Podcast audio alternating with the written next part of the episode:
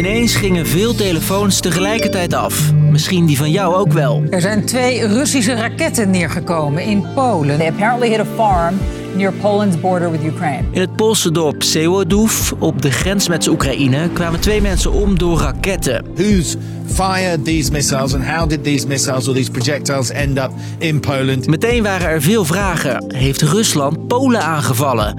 Is dit het begin van een derde wereldoorlog? Je kunt je natuurlijk voorstellen dat hierbij ook nauw contact zal zijn met de bondgenoten. Dit is binnen de EU, dit is binnen de NAVO. Waarom werd er zo op deze raketten gereageerd? En moet jij je zorgen maken? Dat leg ik, Jasper, je uit. Lang verhaal kort. Een podcast van NOS op 3 en 3FM.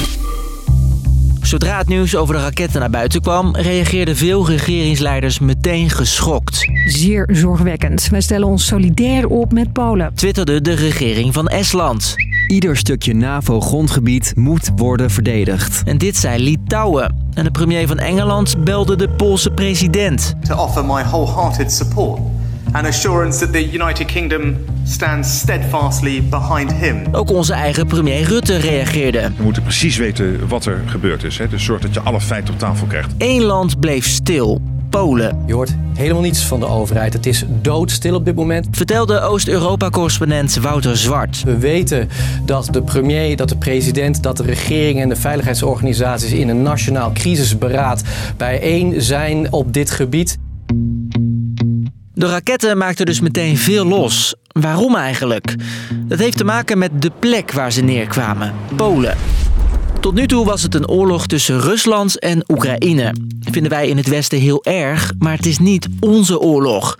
Want Oekraïne is geen EU- of NAVO-lid. Wij vechten dus ook niet mee, legde premier Rutte eerder al uit. Dat gaan we niet doen. De grens ligt bij sancties, humanitaire hulp, militaire spullen leveren, medicijnen leveren. Polen is wel NAVO-lid. En dat merk je nu aan de reacties op deze raketten. Alle landen staan op scherp. Heeft hiermee te maken. An attack against one attack on one of us is an attack. is an attack on all of us. Een aanval op één is een aanval op ons allemaal. Artikel 5 van het NAVO-verdrag, een van de belangrijkste regels. Dus ja, een aanval op Polen kan zomaar een aanval op alle NAVO-landen betekenen. Ook Nederland. Tot nu toe is artikel 5 maar één keer echt gebruikt, na 9-11. It shall be regarded as an action covered by Article 5 of the Washington Treaty. Na de aanslagen in Amerika in 2001 hielp de NAVO mee om het luchtruim boven de VS te beveiligen. Wil je nou meer weten over de NAVO? Check dan vooral aflevering 276 nog een keer. Link vind je in de beschrijving. Daar gingen we er al eens dieper op in. Op het moment dat we deze podcast maken, lijken de raketten vrijwel zeker geen bewuste aanval op Polen. Was dit wel zo, dan zou het worden gezien als een aanval op de NAVO en dus Nederland. En wat dan? Met dit soort conclusies is de NAVO voorzichtig. Ook nu. Dit zegt onze minister van Defensie. Er gaat iets fout. Iemand maakt een verkeerde inschatting. Uh, en dat kan grote gevolgen hebben. En juist daarom moeten we rustig blijven en de feiten onderzoeken. Als er iets gebeurt, stuurt de NAVO niet dezelfde dag nog tanks en vliegtuigen naar het front. Eerst komt altijd artikel 4 op tafel. Daar staat dat zodra een land zich bedreigd voelt, die alle landen kan oproepen voor een spoedvergadering. Gebeurde nu ook.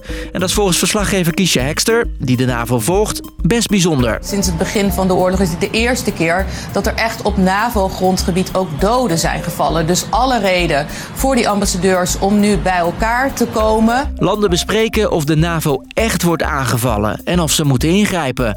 In dit geval werd er goed gekeken of de raketten een bewuste aanval op Polen waren. En het kan dus zijn dat ze uh, gaan bedenken dat ze meer willen doen om Polen ook te beschermen. Voor nu lijkt het erop dat het allemaal met een sissel afloopt. Maar als zoiets nog een keer gebeurt, hoe groot is dan de kans dat we als NAVO in een oorlog terechtkomen? Gebeurt niet heel snel. Zelfs als de NAVO beslist dat het tijd is voor artikel 5, An attack against one betekent dat niet meteen oorlog.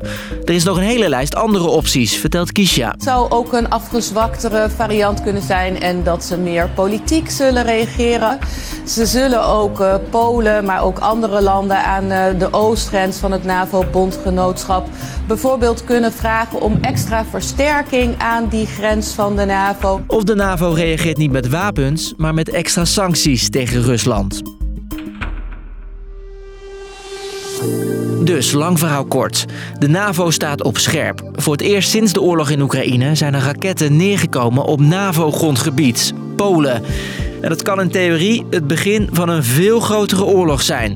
Maar voor het zover is, houden de NAVO-landen altijd een spoedoverleg om te kijken of een land echt in gevaar is en hoe we het beste kunnen ingrijpen.